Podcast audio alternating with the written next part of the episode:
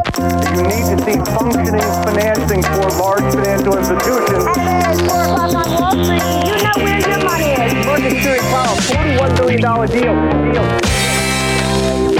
Coronapandemin har förstärkt vissa trender såsom digitalisering, men även outdoor och cykling och mycket, mycket mer. Och I det här avsnittet kommer vi lära oss mer om hjälmar och rotationsskador och ett svenskt bolag med spjutspetsteknologi för att adressera den här, får man ändå säga, ganska relativt okända utmaningen. Jag har med mig Mips. Det är ett bolag listat på midcap, har ett market cap på 11,7 miljarder.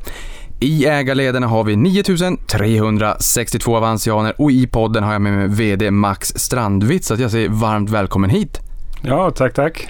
Riktigt kul att ha det här. Vi kommer börja från början. Vem är Max?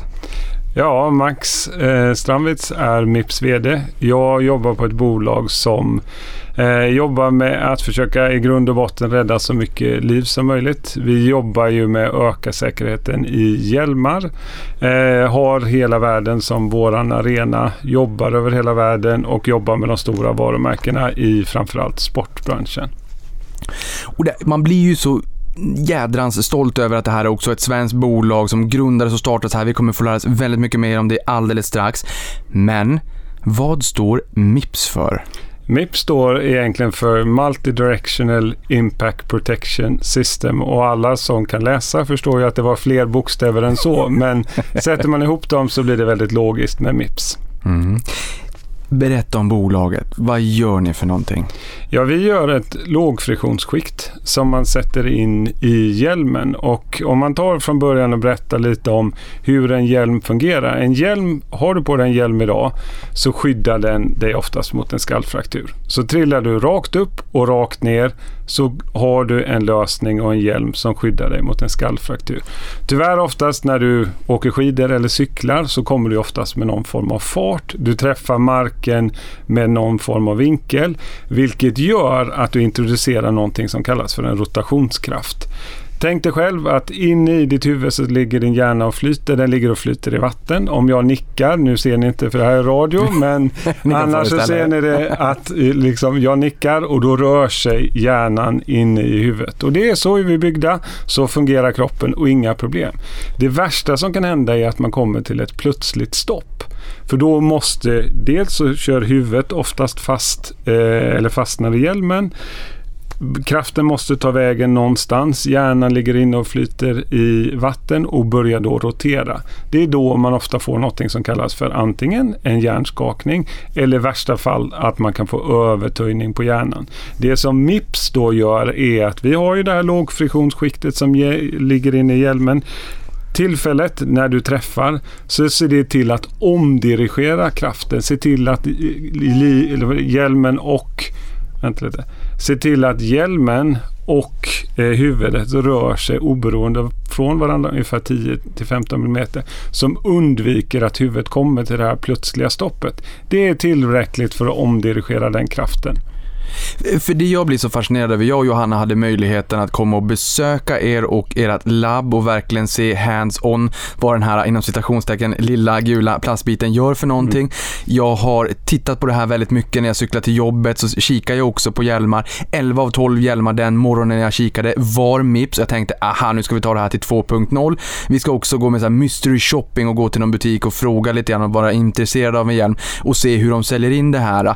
Men som mycket annat så har ni också tagit inspiration av naturen. Jag vet att ni har dragit ett exempel med hackspetten. Mm. Och någonting annat som fastnade mig, vi kommer ihåg hackspetten. Någonting annat som fastnade var när ni berättade just den här vätskan och att mm. det kan plaska runt 10-15 millimeter. Eh, och att när, det tar tvärstopp, rörelseenergin måste ta vägen någonstans. Och man fortsätter lite grann i, i färdriktningens eh, riktning om man så säger. Men just det här att man har 5 till 10 millisekunder på sig att göra skillnad och en, en ögonblinkning sa ni var 100 millisekunder. Så det är ju liksom en tiondel, en tjugondel av en ögonblinkning som kan vara make it och break it från att eh, bli återställd kontra att bli, bli hjärnskadad. Mm, så är det. Det här måste ju vara en, dels oerhört inspirerande att jobba med det här för att Mm. man faktiskt gör skillnad på riktigt. Men historien bakom Mips, och om vi börjar med hackspetten. Varför pratade ni om en hackspett? Nej, men det är en ganska bra liknelse egentligen varför det här med rotationsrörelse är farligt och rotationskrafter. Om du tänker en hackspett, den hackar mot en trästam ungefär tusen gånger på en minut. Det kan den göra, inget problem, för det är en rak rörelse. Den går rakt fram och rakt tillbaks. Huvudet rör sig i en rak riktning, inga problem. Du kan lika gärna ta två boxare som står och slår med varandra, mot varandra. 12 ronder, inga problem. Rätt som det är så får någon av dem in en uppercut eller en hook. Helt plötsligt så får du en sned rörelse, vilket gör att huvudet börjar rotera och matchen är över. Likadant om en hackspett till exempel skulle vinkla på huvudet och börja slå med sidan av näbben istället, så skulle han antagligen inte överleva mer än kanske ett eller två slag. Nu är hackspetten lite speciell för att den gör faktiskt också så att den tar tungan och viker bakom hjärnan så ser till att hjärnan sitter fast ännu mer. Så att eh, nästan en bra liknelse är det. Jag tycker att det där är, det är oerhört fascinerande för det är så många vid så många tillfällen som vi har inspirerats av naturen, Mm. vid alla möjliga olika delar av samhället när vi har tagit fram, inte minst läkemedel. Men ni är ju specialiserade på hjälmbaserad säkerhet och skydd av hjärnan och faktiskt även världsledande på det här. Mm. Det är det jag menar med att man blir stolt. Eh, Berätta historien bakom Mips. Ja, men egentligen så började det redan 1996. Många tror att vi är ett nytt bolag, men det är det inte. Vi har väldigt många år eh, forskning bakom oss. Det tog nästan 20 år innan vi blev lönsamma. Från början så var det en väldigt frustrerad hjärnkirurg som fick ganska mycket patienter på operationsbordet som hade haft på sig hjälm, men trots det ändå hade lidit av grava hjärnskador. Han förstod snabbt att traditionella hjälmar skyddade inte så bra som han trodde mot hjärnskador och började fundera lite mer på det. Han tog kontakt med, han jobbar då på Karolinska sjukhuset, han tog kontakt med eh, KTH Caroline, eller, mm, eh, KTH i Stockholm som jobbar, eh, som är en av världens främsta inom området inom biomekanik. Där träffar han en student som heter Peter Hallin. Peter Hallin höll på med något helt annat. Han höll på med att jobba med eh, mjölkseparatorer. Eh, men blev väldigt snabbt intresserad av ämnet. De tittade väldigt mycket på det här, försökte hitta olika tekniker och sånt och deras första vetenskapliga publikation kom 2001 och sen så började det egentligen ta fart då. I början försökte man själv göra en hjälm. Man gjorde en ridhjälm. Den släpptes 2007. Tyvärr så var ju bolaget väldigt duktiga på att veta hur man skulle skydda hjärnan. Inte lika duktiga på att veta hur man eh, gör en hjälm. Så att när det blir kallt i Sverige, vilket det ofta blir, så sprack nackjusteringssystemet. Det hade ingenting med Mips att göra och alla hjälmarna blev återkallade. Det gjorde att bolaget var konkursmässigt. Man satt med massa eh, anspråk mot sig och behövde starta om och det var precis det man gjorde. Så det, jaha, för, för jag trodde nog ändå att det var lite grann, ja men det här med design och hjälmar var kanske inte vår starka sida, men uppenbarligen så var det mer av, av teknisk natur och liksom kö, köld eh, och sådär. Men designmässigt då? Var det, det, det måste ju vara tufft att vara ahead of it hela tiden, alla trender. Och också frustrerande. När ni ser att det är vissa trender och det ska se snyggt ut och flashigt och hit och dit, men där ni vet att det här är inte det optimala ur ett säkerhetsperspektiv. Nej, men oftast så brukar man få ha en diskussion ibland om att bara så ni är medvetna så gör inte det här hjälmen säkrare. Det är ju oftast mycket eh, kantiga saker på hjälmar, framförallt när man kommer lite högventilerade hjälmar som används inom cykelhjälmar och sånt. Och vi har den diskussionen med kunden och säger att vårt mål är att göra en så säker hjälm som möjligt. Och det brukar oftast vara i samklang med deras ambition, bara man utbildar dem. Man tänker ju oftast inte design och säkerhet samtidigt. Jag tror att vi har hjälpt till att göra världen lite säkrare. Vi har försökt utbilda dem. Vi har ju också väldigt bra verktyg att kunna göra datasimuleringar på hjälmtester där vi också kan förklara att tänk att har du den här kanten, du slår i en trottoarkant till exempel, så ökar du risken för hjärnskador dramatiskt. Och jag tror alla förstår att det är ingen som vill ha det på sitt samvete och alla vill nog i grund och botten verka för säkrare hjälmar. Så jag tycker absolut vi har fått bra gehör för det. Ja, så att i, rent i praktiken, ni har ju det här testlabbet och när det ska komma ut en ny hjälm på marknaden, ett nytt hjälmmärke eller ett hjälmmärke ni samarbetar med en, en ny modell, så får ni den här modellen till labbet och utför tester med den här eh, kameror som tar antar tusen bilder i sekunden och så simulerar ni i en dator och ser hur pass mycket effektivare det blir med ert glidskydd, ert, Mm. Eran lösning, Brain Protection System, Mm. BPSen där. Är, är det helt rätt förstått? Så att säga, ni, all, ni är liksom med i den delen av värdekedjan när en eh, hjälmtillverkare ska ta fram en ny hjälm och hjälper till och säger att det här behöver ni göra för att det ska optimeras. Ni tar fram den tillsammans. Mm. Det gör vi ofta. Så det är ju inte alltid man får chansen. Ibland gör vi till och med det som vi kallar för en retrofit. Alltså vi implementerar våran lösning i redan existerande hjälmmodell och det har också varit det som har varit en av nyckelfaktorerna till att vi har kunnat komma ut så snabbt på marknaden. Att vi kan vara med från början, oftast med våra stora samarbetspartner. De vill ju ha med oss i projektet från början. Vi är en del av projektteamet och vi kommer med input väldigt tidigt.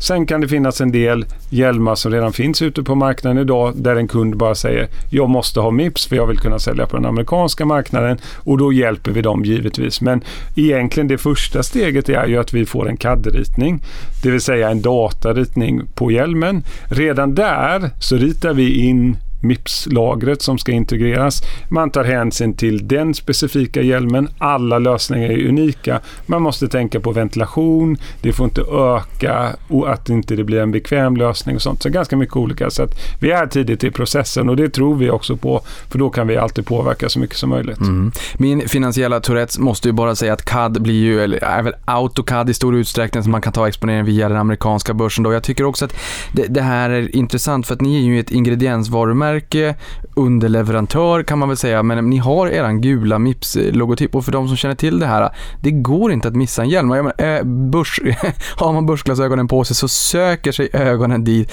och, och det är ju, det är ju en eh, rätt häftig bedrift ändå att ni har blivit ett, ett konsumentvarumärke trots att ni är liksom underleverantör, ingrediensvarumärket som ni pratar om. När jag cyklade den här morgonen och tittade på hjälmarna, eh, då funderade jag lite grann och jag tror mig ändå minnas att jag såg både på vänster och på höger sida, ibland på vänster, ibland på höger. Vad är det som avgör det?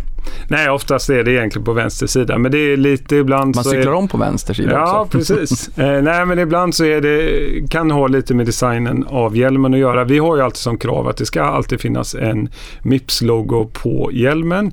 Den enda hjälmen där det inte sitter där bak är ju i ridhjälmar, för där får man inte ha någonting på utsidan av hjälmen. Så där sitter den faktiskt på spännet. Men vi ser det som ett fantastiskt marknadsföringsmaterial.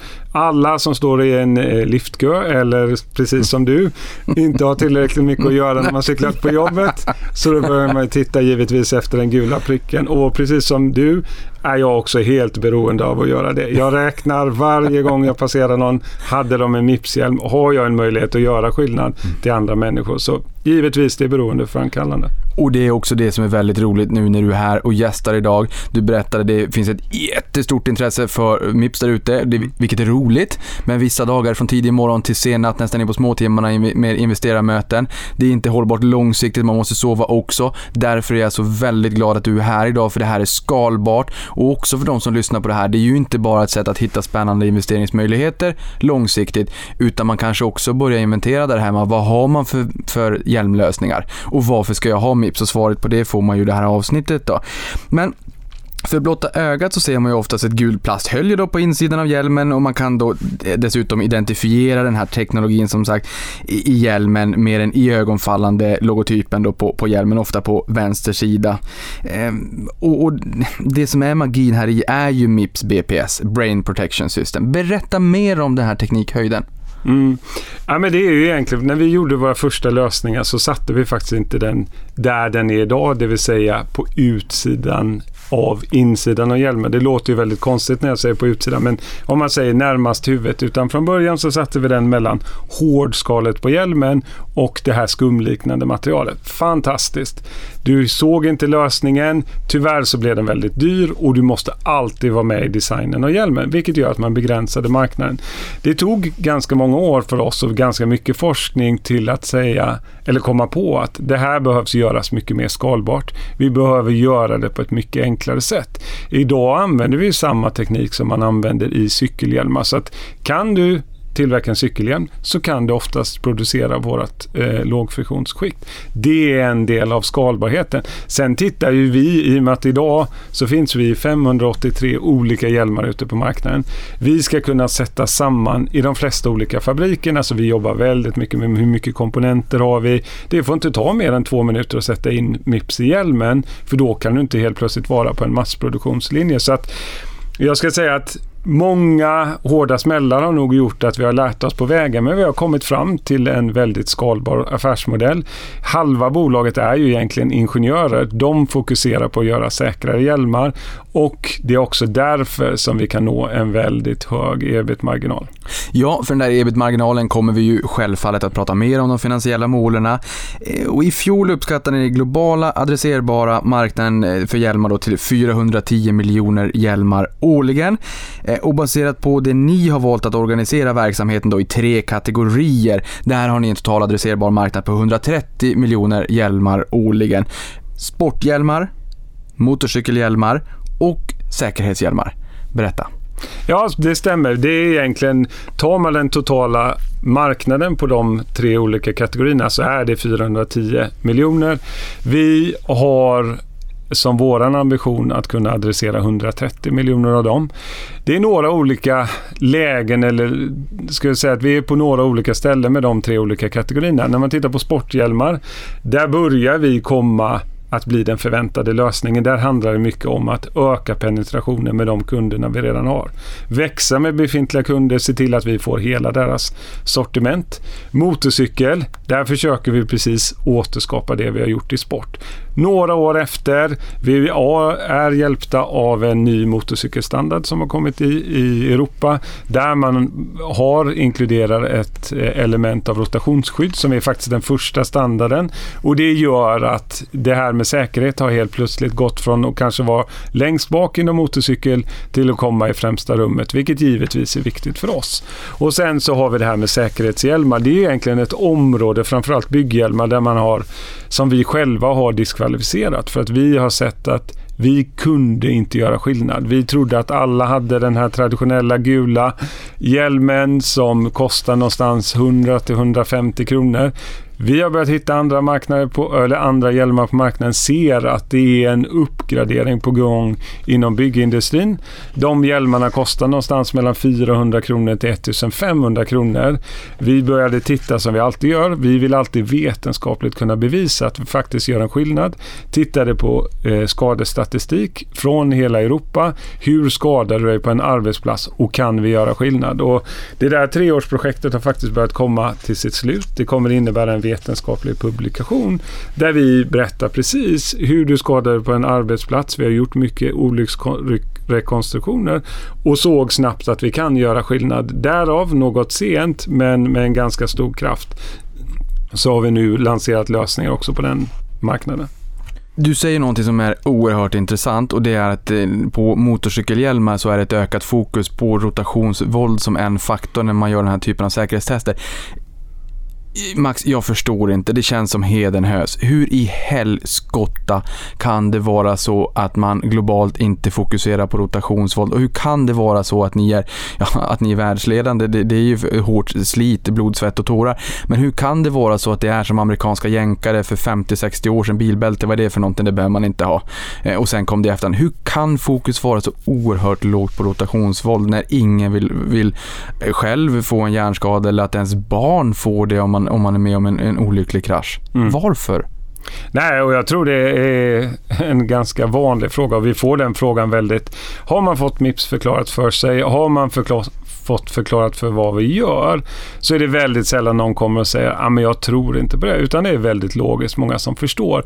Det finns ju oftast väldigt traditionella krafter inom alla industrier. Det har sett ut så här i 30 år, då kan det se ut så här i 30 år till. Jag tror att vi har förändrat världsbilden lite grann vad det gäller det.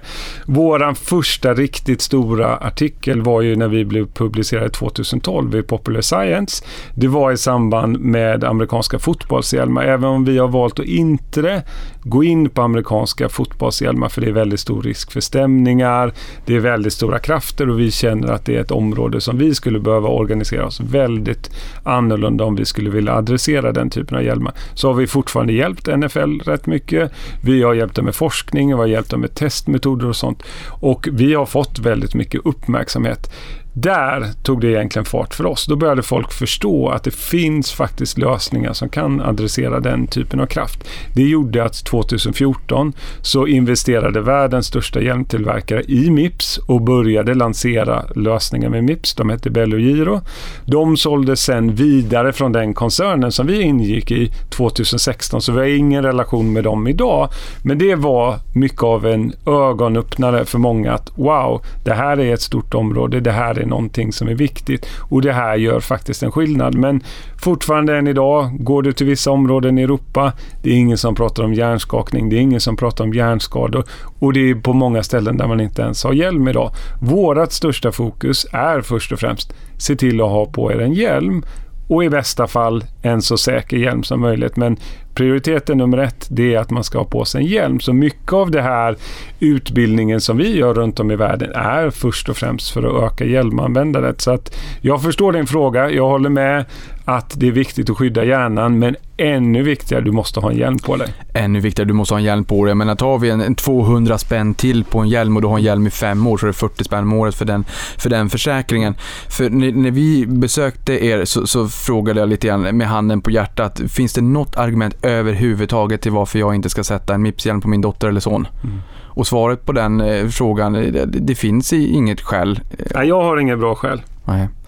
Jag tycker att det säger mycket och det är därför jag har eldat, eldat upp mig på den här storyn också. Vilken, eh, vilken kategori är störst av de här eh, tre då? Sporthjälmar, motorcykelhjälmar och säkerhetshjälmar och vilken eh, växer snabbast? Ja, det är ju så här att vi har ju en fantastisk position inom eh, sporthjälmar. Framförallt inom både cykelhjälmar och snöhjälmar.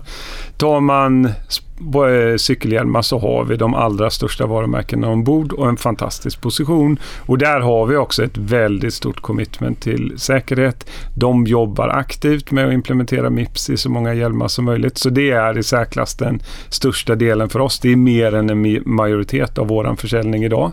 Vi växer fort inom motorcykel. Eh, många nya kunder som kommer ombord. Också de kunderna vi har fortsätter att bredda.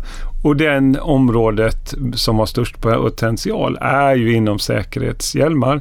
Det är det säkrast största området. Men det är också viktigt att tänka på att vi har precis börjat. Vi har precis stoppat fötterna i vattnet, känner oss lite omkring. Så det kommer säkert att ta några år, men väldigt nöjd med intresset också där. Ja, för där har jag också lärt mig att det är inte så att du jobbar på en byggarbetsplats, har en blå hjälm där du inte ens har den där fastspänd och sen kommer en balk rakt upp från himlen, rakt ner och ingen rotation. Nej. Utan när ni har kikat på det här så ser ni att det är jättevanligt med, med rotationsskador på arbetsplatsen. Det blir enormt ohyggligt jättedyrt. Nu höll jag på att svänga in med ett ord jag inte kan. Eh, jättedyrt för arbetsgivarna om det blir den här typen av arbetsplatsskador och där kan ni hjälpa till. Absolut. Och tittar du på olycksstatistiken idag så ser du ju att fallskador är ju vanliga och det är ju inte bara att du faller från en höjd. Du springer eller du snubblar eller trillar på andra sätt och då trillar man ju oftast mot en vinkel. Du behöver inte ha speciellt hög kraft för att kunna få en hjärnskada. Många saker som rör sig omkring, du, den här stålbalken du pratar om, den kan ju lika gärna transporteras av en kranbil och rätt som det så råkar du få den. Eller en kran står och ska flytta en stålbalk över, du råkar få den i huvudet. Då har du det här sneda islaget som vi adresserar. Så att det är väldigt många byggarbetsplatsolyckor som introducerar olika former av hjärnskador. Och framförallt när du tittar på olycksstatistiken och de allvarliga skadorna, antingen som leder till dödsolyckor eller till ibland pension eller att långtids eh, Eh, frånvaro så är ju det oftast relaterat till eh, hjärnskador. Så absolut har vi ett jobb att göra där. Ja men det är jättespännande. Om man får eh, bjuda på en, en liten kuriosa utsvävning som så många gånger i den här podden så på en investerarresa så besökte vi Skanska i New York, Penn Station. Johanna bland annat hade strumpbyxor på sig. Hon var väldigt arg. Jag sa till henne det var åh vad det var roligt att se här taket och, och alla byggnader och allt vad det kan tänkas vara för hon fick inte följa med upp av säkerhetsskäl. Sen skrev hon det på Twitter och sen fick vi besked från New York att då hade de ändrat på det där. Men det finns ju ett, väldigt stort säkerhetstänk och det bör ju inte minst också påverka säkerhetshjälmar, inte minst med tanke på att det kan bli väldigt stora kostnader om det sker olyckor och man tappar kollegor som inte kan vara med och arbeta. Um, är det någon av kategorierna som är mer lönsam? Nej, jag skulle säga att över sikt, över tid så tror jag att vi kan nå ungefär samma lönsamhet på alla tre. Vi är ju ett litet bolag. Vi är ju bara 60 personer idag. Försöker inte ha för komplexa modeller utan försöker ha en väldigt rättvis prissättning. Den är driven av volym och då ser jag inte att det ska vara någon skillnad utan eh, vår prissättning funkar väldigt bra i alla de tre kategorierna vi jobbar i. Jag tänker kort bara backa tillbaka till den här standarden motorcykelhjälmar. Hur påverkar den er? Alltså bara för att få någon form av uppfattning. Hur viktig är den här nu? Är den liksom precis i precis precis i uppstartsfasen och känner att ni får en medvind av det här. Hur, hur viktigt är det? Nej, men egentligen som man säger, den standarden som är idag, den heter EC 2206. Den kommer de flesta hjälmarna fortfarande kunna klara för det är en ganska lågt satt standard. Så jobbar ju oftast industrin att man sätter en standard. Sen efter några år så uppgraderar man den standarden så filtrerar man bort ännu mer hjälmar och sen kanske man sätter ytterligare en och då blir det väldigt svårt om du inte klarar alla krav. Och det tycker jag är ett bra sätt att jobba. För oss är ju helt plötsligt kan vi ha rätt diskussioner med våra varumärken. Vi kan sätta säkerheten och framförallt rotationsvåld eller rotationskrafter i första rummet och det blir en väldigt bra diskussion. Det kommer också komma väldigt mycket benchmarktester där man jämför olika hjälmar. Inom motorcykel har inte det varit speciellt vanligt. Cykel ser man ju nästan håller på att säga varje dag. Du ser ju både Länsförsäkringar, Folksam gör olika tester. Då har de det som nästan är en standard inom cykel idag, även om det inte finns någon officiell standard, så har man mer eller mindre kommit överens om ett testprotokoll. Motorcykel finns inte det idag. Att kunna referera till en europeisk standard som heter EC 2206, kunna ha ett testprotokoll, är ett jättestort steg i rätt riktning. Sen tycker jag också att det är otroligt skönt när konsumenten själv kan få bestämma. Och det ser man ju oftast när man ser en hjälm idag så kan du se ett klistermärke. Ja, men då har du passerat en standard. Men det säger ju inte hur väl du gjorde det. Därför så tycker jag det är jättebra att det kommer den här olika typen av benchmark-tester där man jämför olika hjälmar mot varandra och säkerheten förhoppningsvis sätts i främsta rummet. Ja, för ni har ju en lägsta nivå, en lägsta gräns för vad ni, hur, ni vill för, hur pass mycket ni vill förbättra säkerheten mm. eh, mot rotationsvåld i förhållande till den ursprungshjälmen om den då redan finns, den här modellen. Vad är det för lägsta nivå? Ja, det är ju faktiskt inte någonting som vi har kommunicerat utåt, utan vad vi gör är så här att vi tittar först testar vi alltid en hjälm utan Mips. Sen testar vi alltid samma hjälm med MIPS-funktionen, med MIPS-lagret i. Där ska vi göra en viss skillnad emellan och det vi tittar på det är ju töjningen på hjärnan. Hur mycket har vi minskat töjningen med hjärnan med eller utan och det ska vara en väsentlig skillnad. Annars kommer aldrig den hjälmen till marknaden och ehm, när vi gör benchmarktester med andra lösningar så är det väldigt få, om ens någon, som kommer upp i ens det minsta kravet som vi har. Och det är viktigt för oss för att vi vill alltid se att vi gör en skillnad. Vi lanserar inte en hjälm. Hittills har vi alltid lyckats att kunna adressera alla kategorier vi är i. Vi sa nej till baseball. Där var det andra typer av skador. Vi testade, vi såg inte att vi gjorde direkt skillnad mot den typen av skador. Ofta får man ju nästan det här hackspettsscenariot, bara att det är en, en boll som kommer mot huvudet istället. Vi gjorde ingen skillnad. Vi vill inte bara vara klistermärket på hjälmen utan det måste fungera i verkligheten också och därför gjorde vi inte det. Det måste fungera i verkligheten också. Det låter väldigt bra. Jag tänker på de här standarderna och fokuset på rotationsvåld då som en faktor. Hur blåser trendvindarna inom men, cykelhjälmar? Nu har vi förstått det här med säkerhetshjälmar. Det är i begynnelsen och den kommer ju också förmodligen att så sakteligen mogna över tid när man förstår vikten av det här. Men nu, nu vart det ju just motorcykelhjälmar först. Hur blåser trendvindarna på medvetandegraden i de övriga kategorierna och, och möjligheten att få in det här som en, en faktor i framtida standarder? Jo, men de blåser absolut åt rätt håll. Vi tror att det kommer komma över tid och i början satt vi nog själva ganska mycket och väntade på det. Men väntar man på myndigheter, väntar man på saker som man inte själv kan påverka, då kan det ta väldigt lång tid. Så för oss, vi sa vi fokuserar på det vi kan göra. Försök ändra, försök påverka, försök utbilda så mycket vi kan. När standarden kommer så kommer den och då är vi redo för det. Men sitta och vänta har vi ingenting för och därför så gör vi inte det. Nästa kategori då. Nu förstår jag att det finns väldigt mycket att göra här. Vi sa eh, eh över 400 miljoner hjälmar, 410 miljoner, 130 miljoner adresserbar marknad för de som ni har valt att eh, fokusera på nu då. Det finns mycket kvar att göra självfallet. Men om vi blickar en bit framåt, vad skulle nästa kategori kunna vara? Nej, det finns ju fortfarande otroligt mycket att göra inom de kategorierna vi är. Vi pratar om sporthjälmar. Ja, där börjar vi liksom adressera de flesta typerna av hjälmarna. Motorcykel, där har vi ju två olika underkategorier som vi jobbar med. Motocross, där vi har en väldigt hög penetration. Någon som går ut och kör på en motocrossbana idag är väldigt mån om sin säkerhet. De vet att det finns en stor risk att man kommer att ha en olycka. De har normalt en väldigt bra hjälm. De har handskar, de har ett bröstskydd, de har knäskydd och sånt. För de vill kunna fortsätta göra sin sport. Inte alltid likadant när det gäller landsvägsmotorcyklar. Ut, det ska, vinden ska blåsa i håret, det är mycket om frihet. Så lite, lite annat tänk. Det börjar komma på rätt sätt men fortfarande har vi kvar att göra där. När man tittar på det här området som vi kallar för säkerhetshjälmar, där skrapar vi egentligen på ytan. Vi har fokuserat väldigt mycket på bygghjälmar, för det är ju där som den stora potentialen finns. Men det finns mycket hjälmar för tillverkning och inom logistik. Du har hela gruvindustrin som också har på sig hjälm och sen så har du mycket inom det område som heter offshore. Du har många hjälmar som används inom polisen och du har också i brandkåren. Så att eh, absolut finns det väldigt många delar kvar att göra bara om, inom det som vi kallar för vår adresserbara marknad. Och många säger att ni har bara skrapat på ytan. Tittar man på våran position 2019 och vi släpper ju bara de siffrorna en gång om året så hade vi bara 4% av vår adresserbara marknad. Så fortfarande en bit kvar att gå för. Mycket att göra där på en marknad som växer. Ni växer och tar marknadsandelar på en marknad som växer.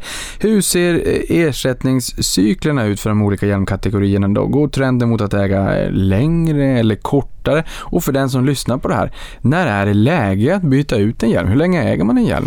Jag tror faktiskt att, ska man säga generellt så är det nog oftare än vad man tror. Det är ett bra svar på den frågan. Men vi har ju tittat på det här rätt mycket och våran, det finns ingen riktigt bra data på det, men vi ser att Eh, rotationen på cykelhjälmar är någonstans var femte till var åttonde år.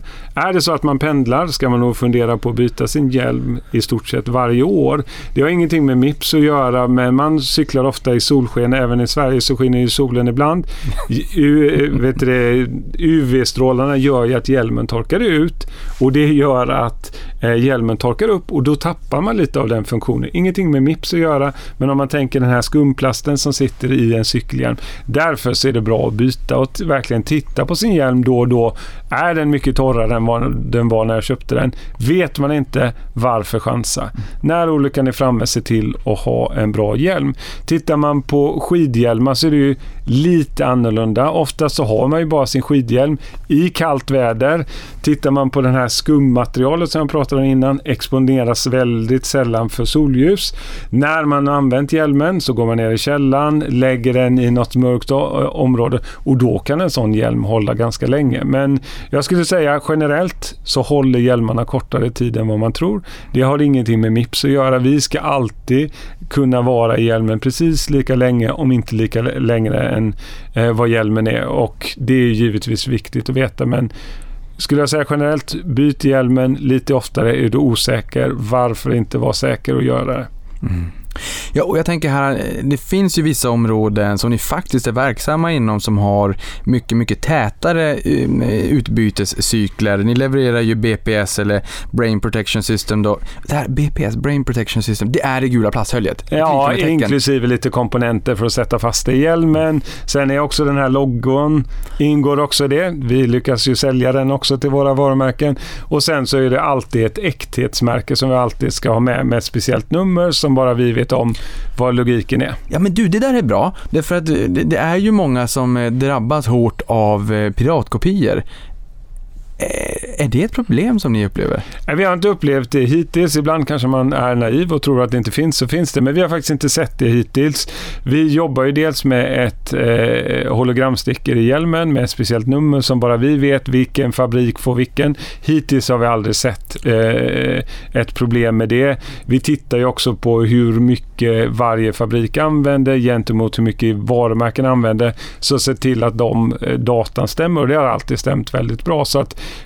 Hittills så har vi inte sett det. Sen är det ju också det att Kina har ju kommit väldigt långt när det gäller det här. De är ju också oroliga för piratkopiering så att det sitter alltid om någon försöker exponera, exportera en produkt som de inte vet vilket varumärke det är. Så vi får ju skicka in en lista med alla våra namn på de varumärkena vi jobbar. Kommer det ett nytt, då ringer de oss och kollar, har de här rätten att exponera, exportera? Så att eh, det är ju någonting som har gjort väldigt framsteg den sista tiden. Vi har ju också givetvis eh, skydd för hur vi tillverkar våran produkt. Man tittar på olika utility models och sånt för att ha så bra skydd för den typen. Jag tror man är naiv om man tror att man aldrig skulle bli kopierad, men hittills har vi inte sett det i alla fall. Nej, eh, och det låter väl, för dig som lyssnar på det här också, det är inte smart att köpa en, en piratkopia för då faller lite grann, lite grann själva idén med varför man köper en sån här hjälm. Ni, eller med det här innandömet då, eh, ni levererar ju då för lite andra områden också. Det är en liten del av det hela, men det är tätare utbytescykler, exempelvis militärt bruk. Mm. Ehm, där hjälmens innanmäte då vanligtvis byts ut efter, eh, två gånger om året, så halvårsvis, samtidigt som det förmodligen inte är samma priskänslighet heller, utan då är driftsäkerhet, säkerhet eh, och vi ser samma sak inom polis och brandförsvar. Mm. Eh, berätta, är det här en, en pytteliten del eller är det värt att, att, att nämna det här lite? Nej, det är nog vi som inte haft kanske tillräckligt mycket fokus på det. Inom militärhjälmar har vi ju hållit på några år och vi har hjälmar ute för test och sånt där där man tittar på MIPS-funktionen. Eh, när vi började till exempel inom militärhjälmar så alltså hade vi samma funktionalitet men rätt som det så kommer man ju på att en militärhjälm har ju oftast lite eh, kommunikationsutrustning på. Ibland kan man ha nattlampan på och sånt. Vilket gör hjälmen lite tyngre. Så då har vi utvecklat speciella lösningar för det. Kanske hoppa fallskärm, vill ha en annan. Så att Absolut kan vi adressera den typen av marknad. Det är oftast väldigt långa upphandlingstider. Så vi har sagt att vi har lösningar för det. Vi försöker bearbeta marknaden. Men det kan ganska lätt ta ett par år till innan vi ser någon framgång där. Intressant marknad, men inte någonting som har varit våra stora fokus. Den dagen det kommer så kommer det. Men hur mycket växer marknaden globalt? Jag tänker vad är viktigast? Både marknadstillväxten men, men också hur, vart trenden blåser för huruvida man använder cykelhjälm eller inte. Dels om man kommer på den, den kloka idén själv eller om det blir regulatoriska förändringar. Så hur mycket växer marknaden och hur mycket är ni beroende av att, att fler börjar använda hjälm? Nej, men det är nog en kombination av att en del blir förhoppningsvis lite klokare av att de börjar använda hjälm och en del kanske till och med tvingas att använda hjälm. Tar man bara i Sverige så är det idag lag att alla under 15 ska ha på sig hjälm. Kör man, jag kör mina barn till skolan eh, i stort sett varje dag, ser att de flesta eh, ungdomar idag har inte hjälm, vilket givetvis är tråkigt. Eh, det är ju någonting som man hoppas ska ändra sig. Vi fokuserar faktiskt inte jättemycket på tillväxttalen på marknaden. Vi vet ju att tittar du på cykelmarknaden så har vi sett att den har växt någonstans med 3-5% per år om man tar de senaste 10 åren. Men för oss handlar det om att ett penetrationsspel. Hur snabbt kan vi penetrera marknaden? Växer den? Absolut, då kan vi dra en fördel av det. Men det är lite det här att ta ödet i våra egna händer. Vi har en plan. Vi ska penetrera våra kunder på snabbaste sätt. Vi ska växa med så många som möjligt. Växer marknaden så är det jättebra, men det är inte det som är det stora fokuset. Och tittar man på våra tillväxttal så ser man också att marknadstillväxten har ingen större betydelse. Hur frustrerad blir du när du ser vänner, bekanta, eh, barnens kompisar som kommer cyklandes utan Mips? När du sitter på den vetskapen om att det gör skillnad och ibland kan vara ja, kanske inte skillnad på liv och död, men ändå ett drägligt liv att bli återställd och kanske en, en, en hjärnskala. Mm. Nej, men jag, för jag ska säga så här, jag har två grader av besvikelse om man ska kunna räkna så. Den första är ju givetvis, har de ingen hjälm överhuvudtaget? Det är klart man blir lite ledsen. Sen är det det viktigaste. Se till att de har på sig en hjälm. Har de en Mips-hjälm så är jag givetvis lite gladare.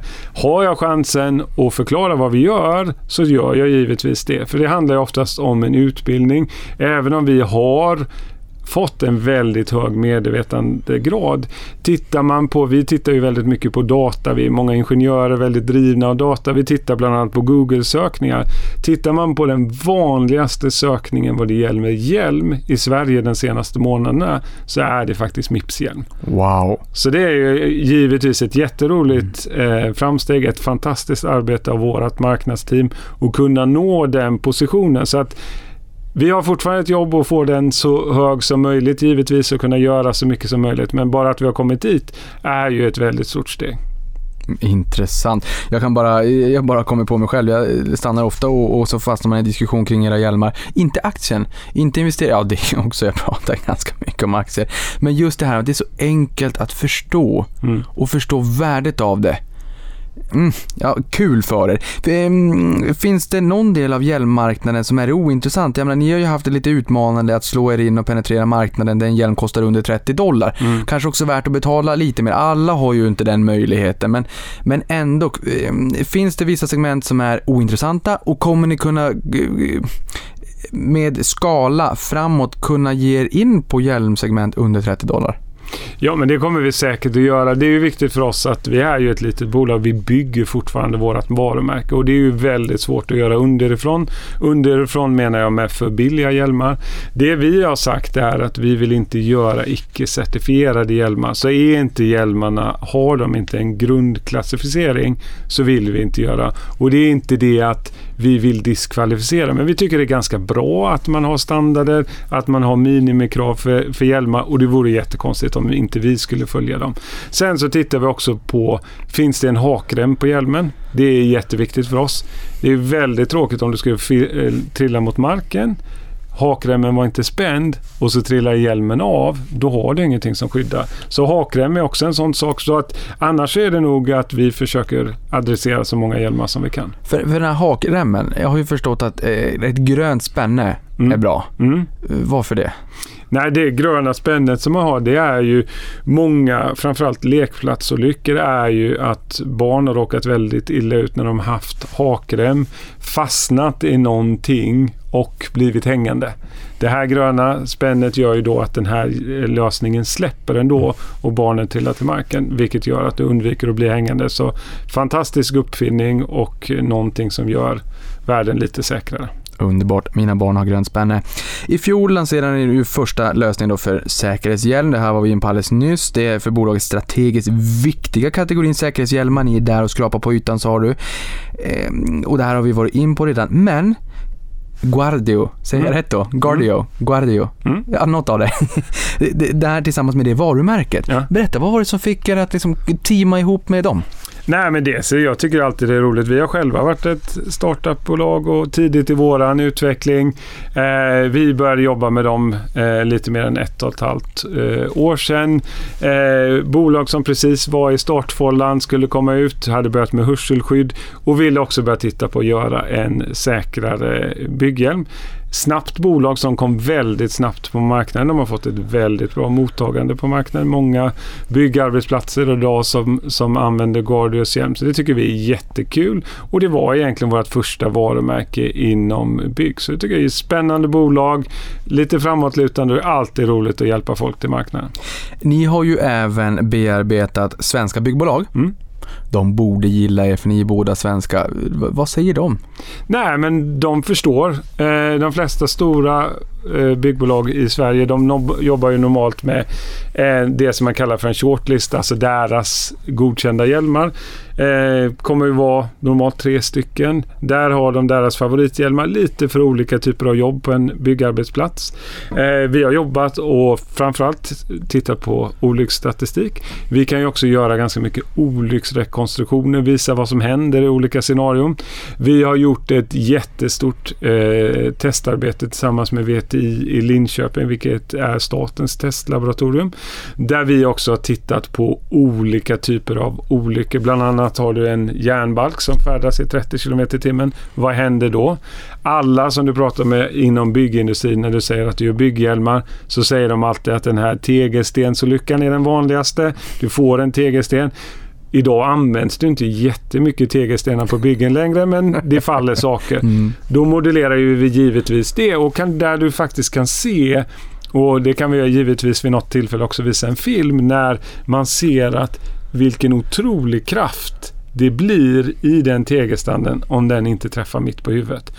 Att den skulle träffa mitt på huvudet är ju väldigt osannolikt. Oftast så kanske den träffar på kanten i huvudet och då får du precis samma rotationskraft och en ganska stor rotationskraft. Och sen tittar vi mycket på fallolyckor. Vad händer om du faller från en och en halv meter ner i backen? Ibland så trillar du med rumpan först och sen i med huvudet och sånt. Och bara att kunna demonstrera det, visa för ett byggbolag, gör ju att deras säkerhetstänk förändras ganska mycket. Så att eh, jag måste säga, jag är oerhört glad med de svenska byggbolagen. Deras säkerhetstänk är ganska långt framskridet och de är väldigt mottagliga för den typen av diskussion. Så att eh, jag är nöjd med dem också. Ja men vad kul, det är intressant och det är bara att man måste bli påmind om det här också, bli informerad. För jag har eh, sett, och nu får ni, ni, ni får ta siffrorna här med en nypa salt, men bara saker som man inte tänker på. Man kanske sätter en läskeback i bakluckan på bilen, nu kanske man inte köper läskebackar lika ofta som förr i tiden. Och sen krockar man, det behövs inte många kilometer i timmen för att den där ska väga ett ton. Mm. Och förmodligen flyger ut genom framrutan.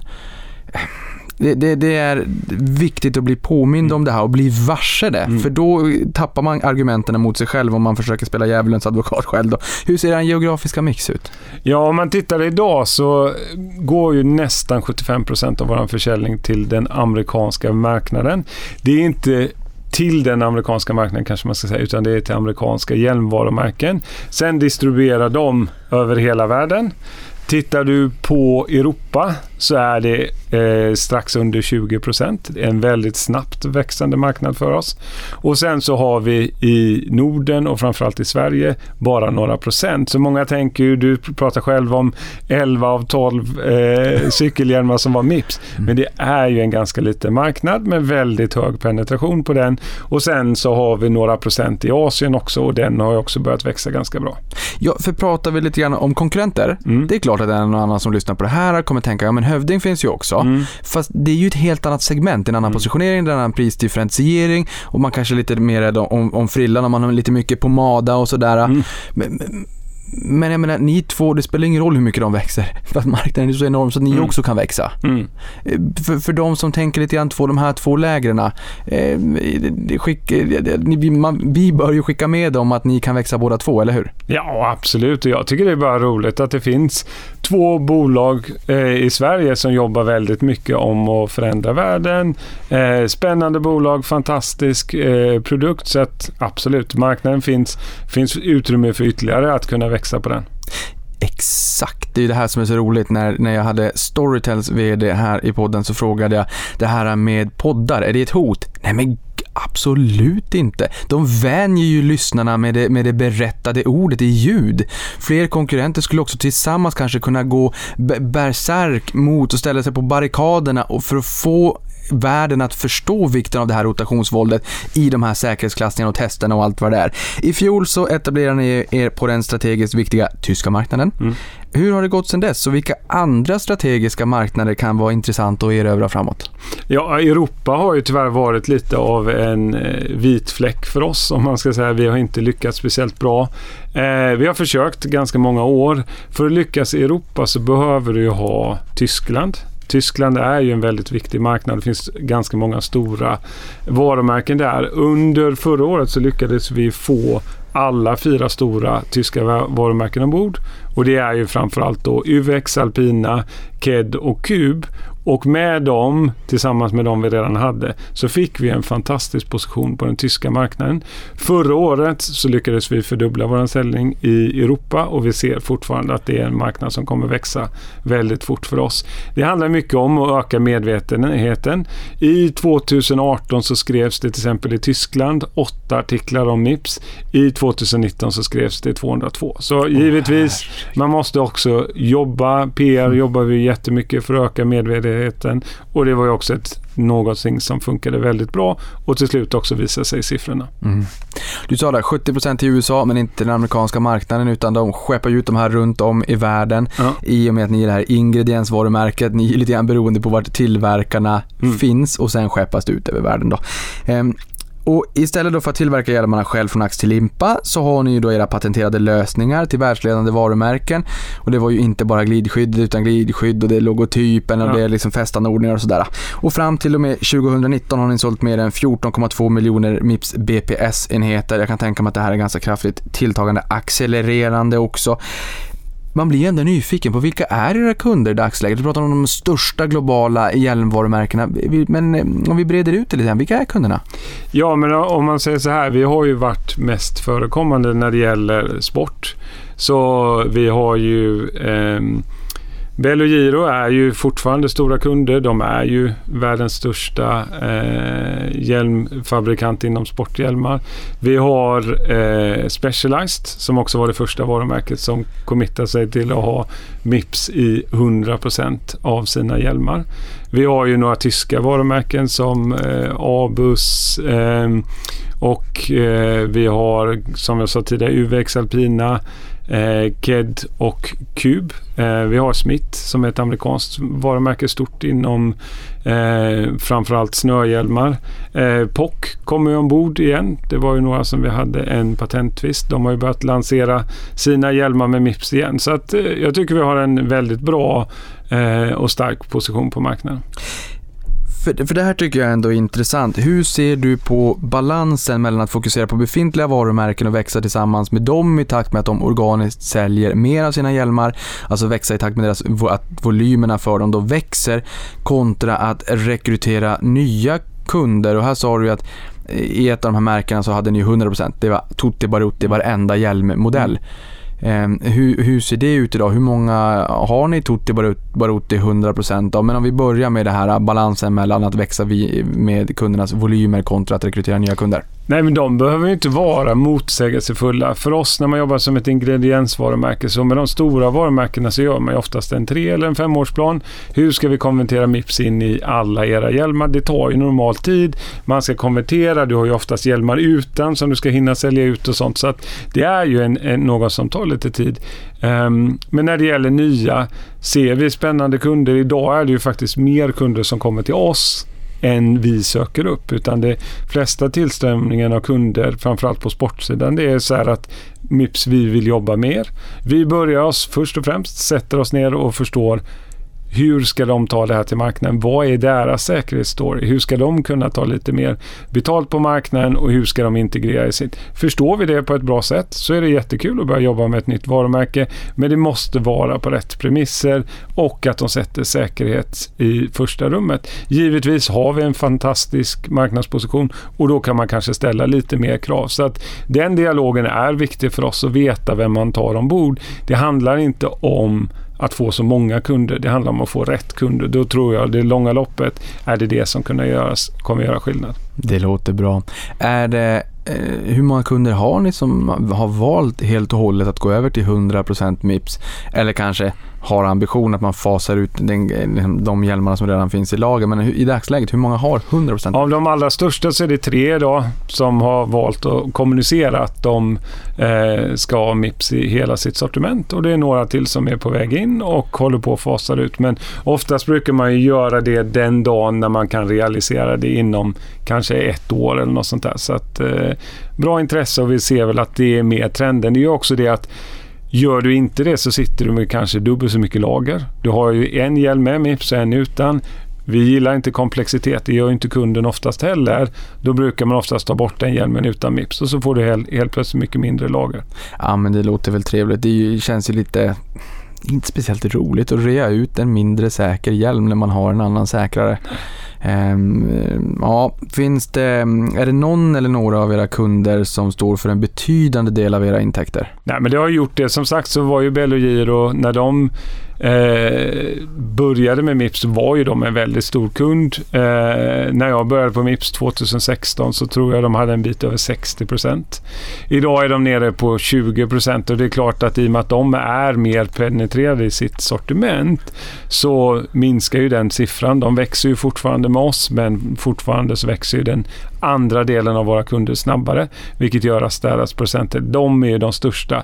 Sen har vi en eller två kunder som ligger kring 10 10 och sen så ligger de andra under det givetvis. På, eh, på tal om den lilla detaljen intäkter. Mm. Eh, ert produkterbjudande består ju främst av tre delar. Den fysiska produkten i hjälmar, utvecklingstjänster för implementering av BPS och licensiering avseende tillverkning, marknadsföring och försäljning. Man kan ju tänka sig att ja, men det är ju bara det här glidskyddet i gula hjälmen och, och, så, och så den här loggan på hjälmen. Men, men era intäkter är ändå fördelade på lite olika kraser, berätta. Ja, men det är de. Dels så gör vi ju så att när vi börjar ett kundprojekt så tar vi en utvecklingsavgift och det gör vi för att utveckla deras specifika lösning till hjälmen. Vi utvecklar också verktyg för dem som gör att de kan massproducera eh, våran lösning som är till den specifika lösningen. Även om vi kontrollerar den tillverkningen så är det fortfarande oftast de som äger verktygen. Det gjorde vi i början för vi hade inte pengar. Det var ett bra sätt för oss att kunna finansiera och starta upp en kund. Det är alltid bra att ha en kund gisslan i ett projekt innan du börjar och vi, därför så har vi fortsatt med den modellen. Hur ser intäktsmixen då ut i, i de här tre emellan? Mm. Tittar man så är ungefär 70 procent av våra eh, intäkter består av en licensavgift. Det är ju precis som du sa, rätten att marknadsföra sig med Mips, rätten att använda våra patent och våran teknologi. Sen har vi ungefär 20-25 som består av komponenterna. Det är det här BPS-kittet som du pratade om som medföljer när man ska, som man ska sätta in i, hjälmen för att den ska göra skillnad. Och sen har vi det som vi kallar för tjänster, Det är när vi utvecklar eh, lösningarna till kunden. Gör deras lösning och de verktygen som krävs för att tillverka den lösningen. Fram till 2019 så har ni samarbeten med 103 varumärken som använder er teknologi idag. Det är en imponerande tillväxt om 38,5% sedan 2015 om vi tar en kagger-siffra. En årlig genomsnittlig effektiv eh, tillväxt där. Eh, och ni har samarbeten med eh, 28 varumärken där. Hur många potentiella varumärken finns kvar där ute? Ja, men vi har ju idag, eh, om man tittar på Q3, 111 varumärken eller kunder ombord. Tittar man på den totala marknaden så tror jag ingen kan säga exakt hur många varumärken det är. Men inom sport så finns det ungefär lite mer än 200 varumärken. Tar du eh, motorcykel så finns det också någonstans kring 200 varumärken.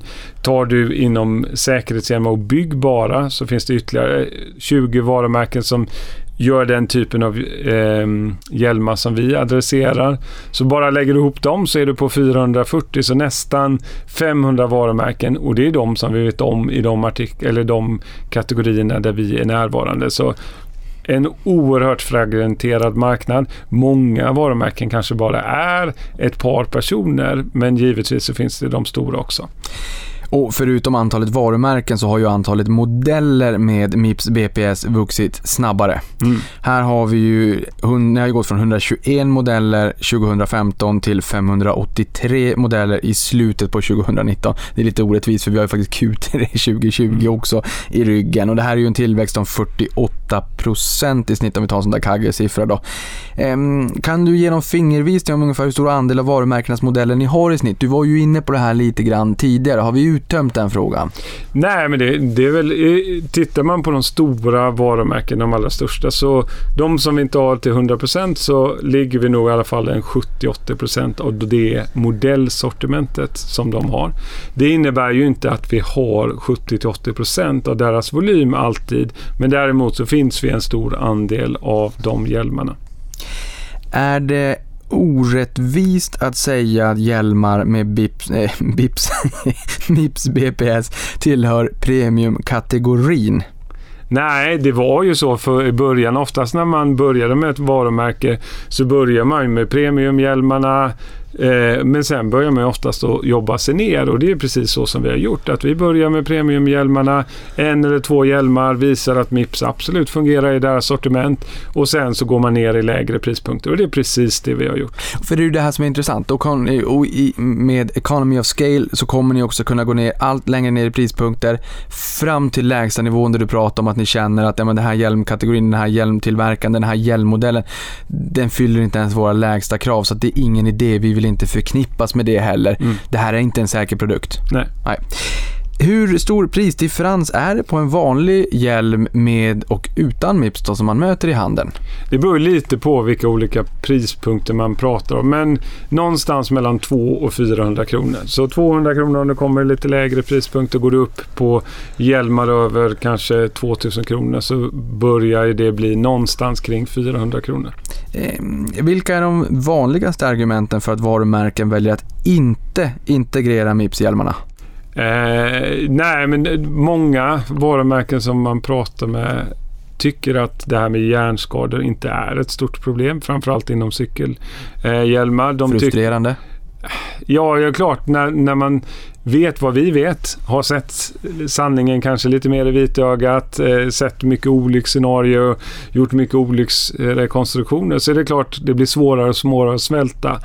Men samtidigt är det alltid givetvis att i grund och botten så är det ju kundens egna val. Vi hoppas ju att de kommer att omvändas över tid.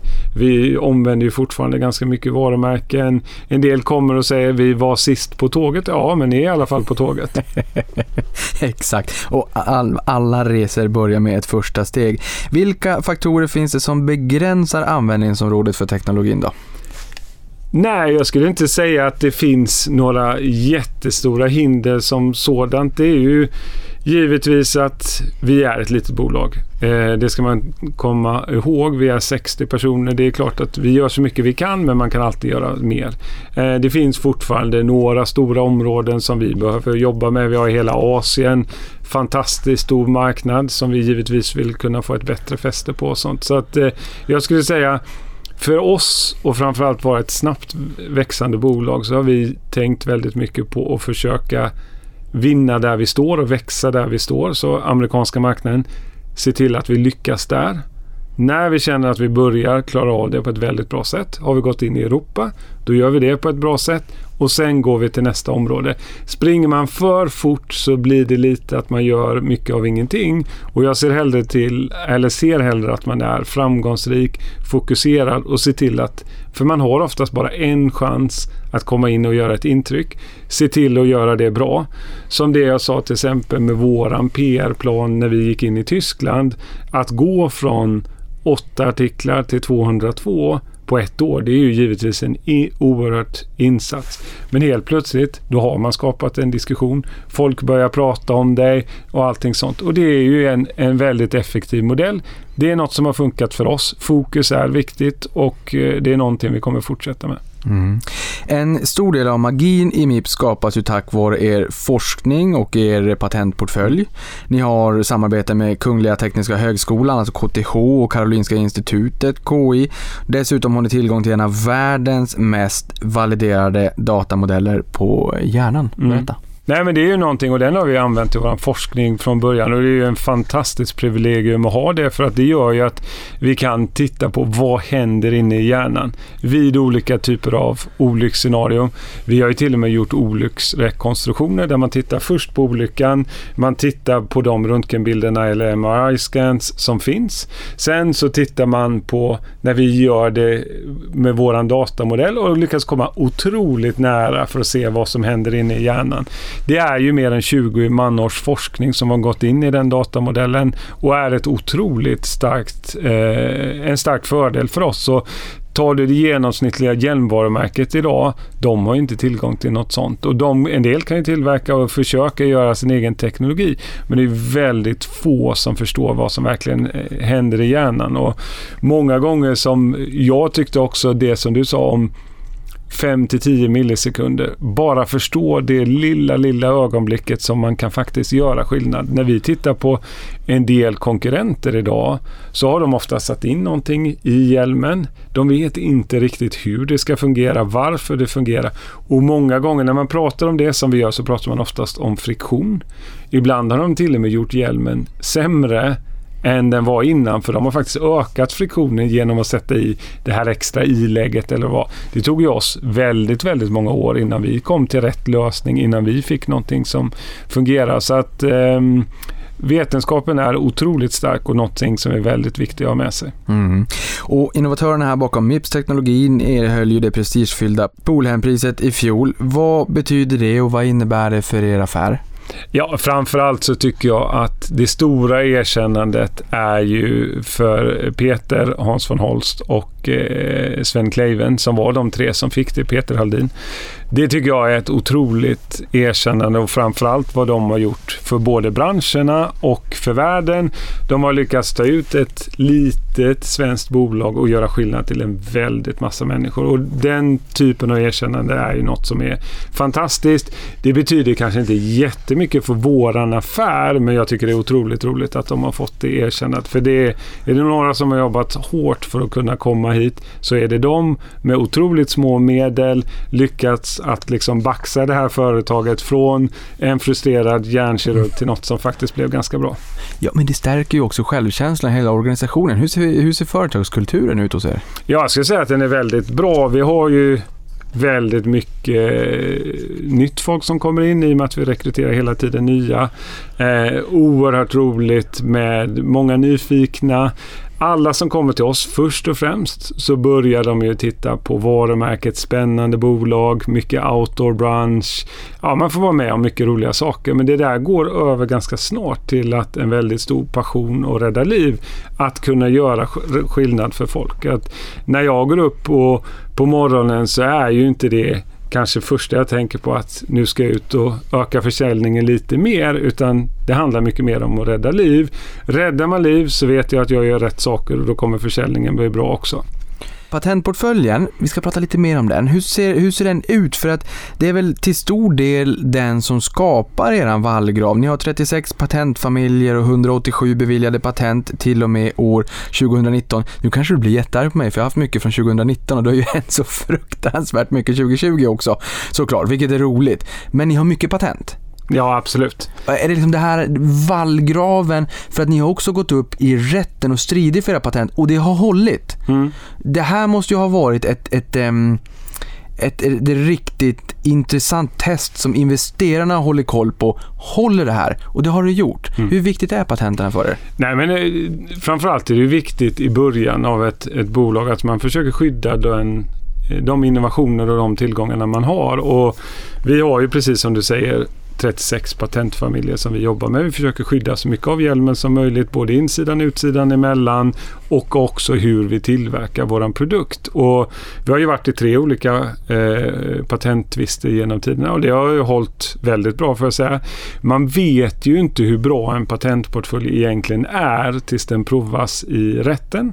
Och många också tror att jag har mycket patent men du måste ju också kunna har råd att försvara dem. Vi har ju en ganska stor balansräkning som de flesta vet idag och det har man ju också för att skulle någon utmana så vet vi att vi kan hålla ut genom en sån process. Nu har vi inte haft några patenttvister under de senaste lite mer än två åren. Ingenting som ligger nära på kartan vad jag vet idag, men det kan ju givetvis ändras. Men det är ju väldigt viktigt att vara noggrann med sina patent. Det vi ser och över tid, för våra huvudsakliga patent går ju ut 2030 och 2031, de som används mest idag.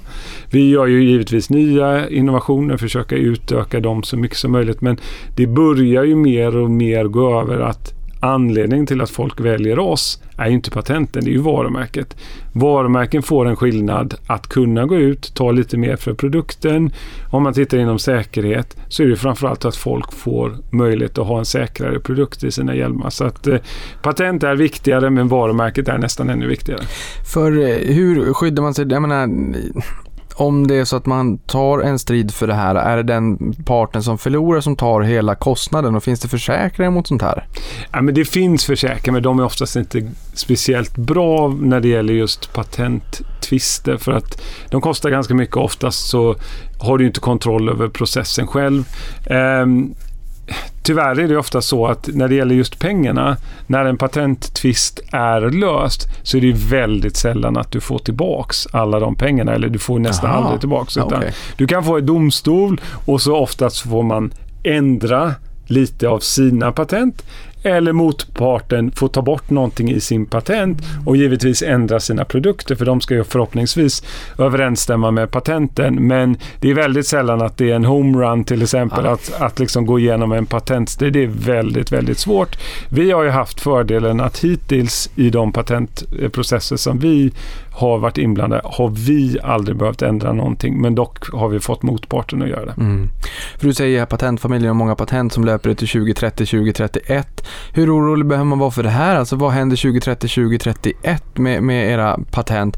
Är det här ett hot? Att vi kan få se, jag menar i läkemedelsbranschen pratar om någon generika. Mm. Kan vi få se generiska eh, blåa eller rosa eh, plastfilmer i hjälmarna framåt? Ja, absolut. Har inte vi gjort ett tillräckligt bra jobb så kommer man kunna göra det. Det är ju en ganska ersättningsbar produkt så. Det är ju som du sa själv i början ett litet plastskikt. Vi ser ju därför att jobba med varumärket är viktigt. Sen jobbar ju vi också med våra patentportfölj, se till att vi kan utöka den. Vi går inom, inom andra områden, vi jobbar med olika patent och sånt. Men eh, patentrisker finns ju alltid. För oss är ju marknadsföring det viktigaste vi gör. Att varumärket ser till att hålla och att bli så starkt som möjligt. När du går in i en affär så väljer du först en Mips-hjälm, sen väljer du det märket som du vill ha. Kanske med den typen av modell du vill ha och det varumärket. Tittar du på Gore-Tex idag så har de ju nått den positionen som ett ingrediensvarumärke. De jobbar ju egentligen med en ett-membran som kan implementeras i massa olika prismodeller. Man pratar mycket om kundnyttan. Det är ju ingen som går och frågar om, om Gore-Tex vilket, eh, vilket patentskydd de har för det gick ut för länge, länge sedan. Ja, men det där är en oerhört intressant jämförelse faktiskt. Men, men, och det är inte så att ni heller kan, jag förstår att ni, ni vill ju liksom nå den där positionen så att det spelar liksom ingen roll, det är Mips man ska Mm. ha om man vet vad det är för någonting. Men eh, går det att eh, förändra något i glidskyddet som gör att man får förlängda patent eller är det så att det är till 2030, 2030 exempelvis då så att säga och sen så får man, får man förlita sig till varumärkets styrka. Nej, men det blir nog en kombination. Som sagt så gör vi nya lösningar. En del lösningar säljs ju med ett nytt patent och sånt där. Så att det handlar ju hela tiden om att förfina och, och allting sånt. Så att eh, en del saker kan man ju alltid förlänga och en del saker kan man inte förlänga. Hur jobbar ni med att stärka varumärket då, eh, inte minst mot slutkunder, med testvinster och att man är top of mind när kunden kommer in i butiken? Mm. Nej, men det så jobbar vi med, som jag sa tidigare, PR är ju väldigt viktigt. Vi har ju lanserat någonting som vi kallar för Mips-team. Det är ju ett team med ambassadörer som är bäst inom sin sport i världen. Som är väldigt dedikerade till säkerhet. Som pratar och är ambassadörer för våran produkt. Och det är ju någonting som vi har börjat med i år. Den första eh, personen som kom ombord var ju Henrik Hallå som är den mest dekorerade X-Games skidåkaren. Eh, som finns i, eh, eh, inom skidåkning som vi tycker är en perfekt ambassadör. Vi kommer under hösten och vintern att släppa ungefär en i månaden med nya ambassadörer som är just den typen av person som kan lyfta fram vårt varumärke på ett fantastiskt sätt. Sen jobbar ju vi väldigt mycket med online, att man ska kunna filtrera på Mips. Om du går in och ska köpa hjälmar ska du välja med Mips och utan Mips. Så vi jobbar ju mycket med e-tailers. Sen har vi också tagit fram en app så att när du för all butikspersonal, vi har ju tidigare jobbat med något som heter Mips Academy, där du kan gå in, få träning, förstå hur Mips fungerar på 30 minuter. Tyvärr så får ju inte vi alltid 30 minuter av en butikspersonal. De har väldigt många varumärken som försöker utbilda dem. Därför så är det väldigt viktigt att göra det lättillgängligt. Då är en app ett fantastiskt instrument. Du kan göra säljtävlingar, du kan få en lite kort introduktion på tre minuter. Hur säljer man Mips? Spännande. Ehm, är er framtida tillväxtresa främst organisk eller skulle ni också tänka en, kunna tänka då en förvärvsdriven dito genom att förvärva in kompletterande teknologi eller patent? Den planen vi har framför oss och den som vi har pratat om till 2025, det är en organisk tillväxtresa. Kan vi göra kompletterande förvärv som gör våran produkt eller närliggande områden? Fantastiskt. Just nu vet inte jag vad det ska vara. Vi tittar ju givetvis på marknaden om det kommer något annat spännande. Men det är en organisk resa. Organiskt är ju någonting som jag tycker är otroligt vackert och så länge vi kan fortsätta att växa med den takten så är ju inte tillväxt någonting vi behöver köpa oss till. Mm. Vilka är era främsta konkurrenter då? Vi har ju ingen riktigt konkurrent på det sättet. Eh, tar man den sammanlagda mängden konkurrenter kanske man kommer upp i 10 procent. Eh, så här, när jag tittar på konkurrenter idag så är det ju alla hjälmar som inte har Mips. Jag pratade om 4 procent förut. Tittar man på den totala marknaden 100 procent. Det betyder att 96 procent av marknaden har inte Mips idag. Det är de jag tittar efter. Marknaden är stor, tillräckligt för flera att kunna vara på. Vi tror ju att över tid kommer det säkert att komma konkurrenter. Det finns en massa olika intressen. Folk tittar säkert på våran produkt, våran lönsamhet och ser det som något fantastiskt. Så eh, konkurrenter borde komma över tid. Jag ska bara se till att vi ska ha en överlägsen teknologi som kan implementeras i många prispunkter som möjligt och då tycker jag att vi är bättre rustade att möta det än någonsin. Ja, för det har man förstått att ert övergripande syfte är ju att rädda liv. Mm.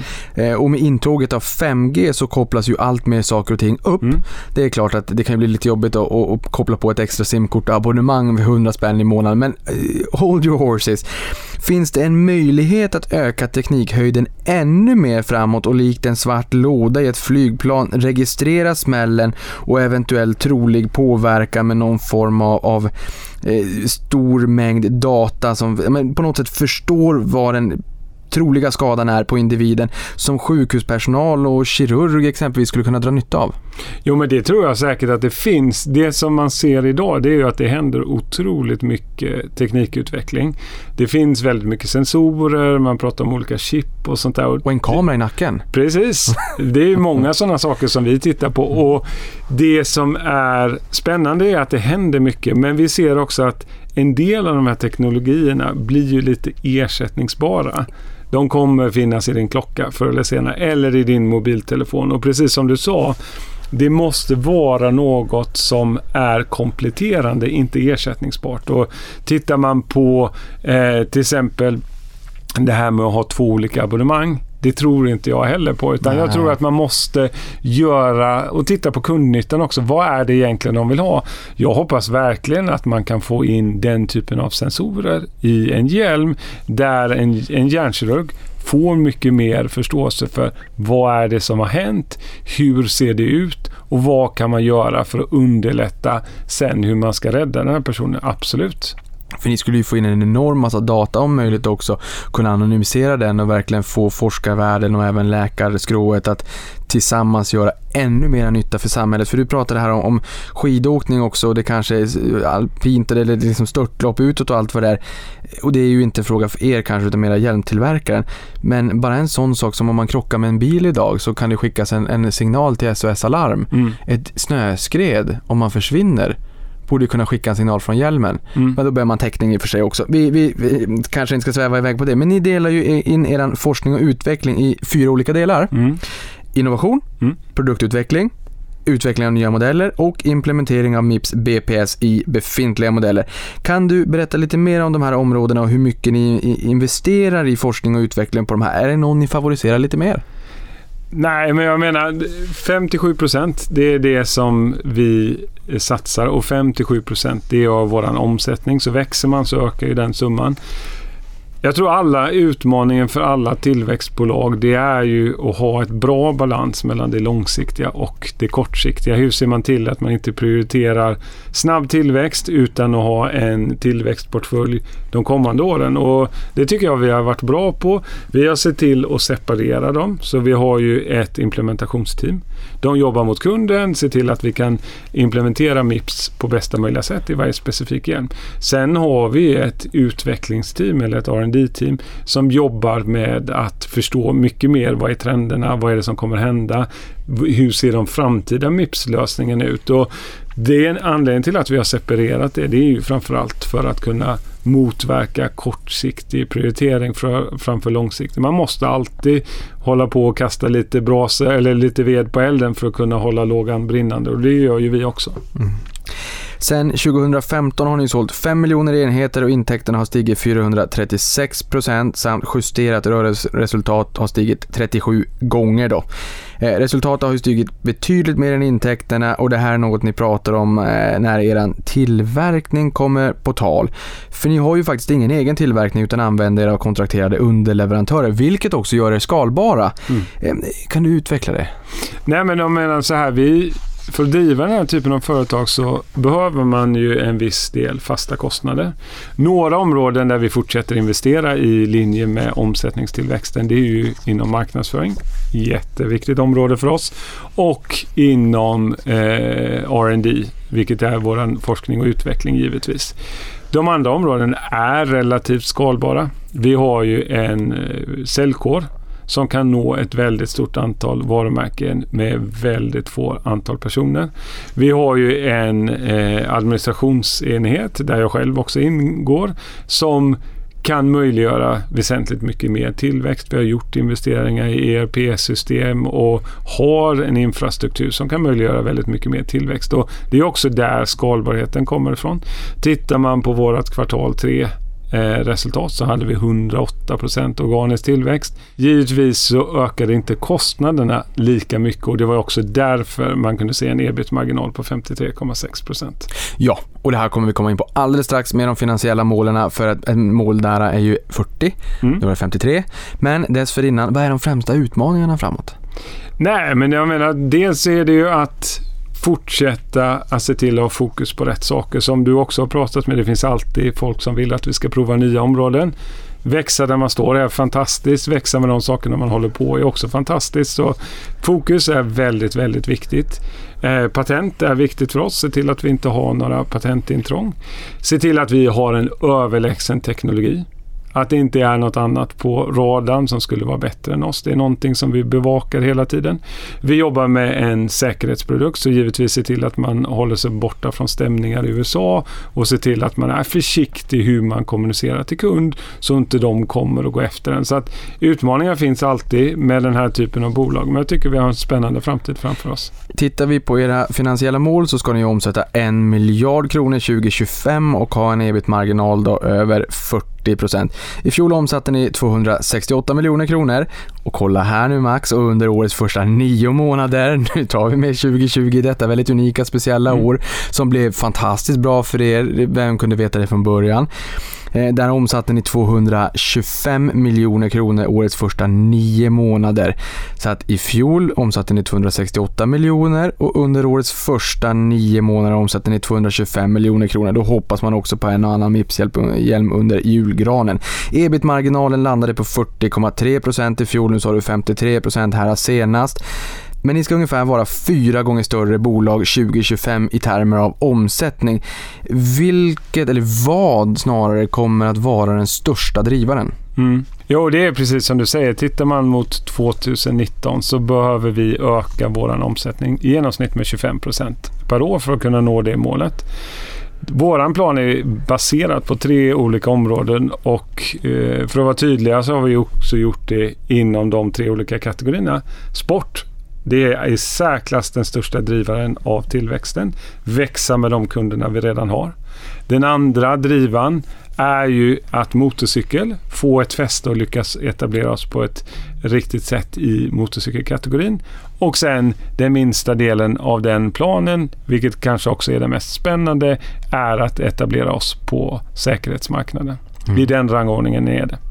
Ser ni en stor crossförsäljning, alltså att man kanske börjar med en Mips cykelhjälm och sen väljer eh, Mips eh, när man köper en motorcykelhjälm eller skidhjälm, att man, man vänjer konsumenten, man får dem att förstå vikten och värdet av det och att man sen ser att de plockar på sig fler kategorier?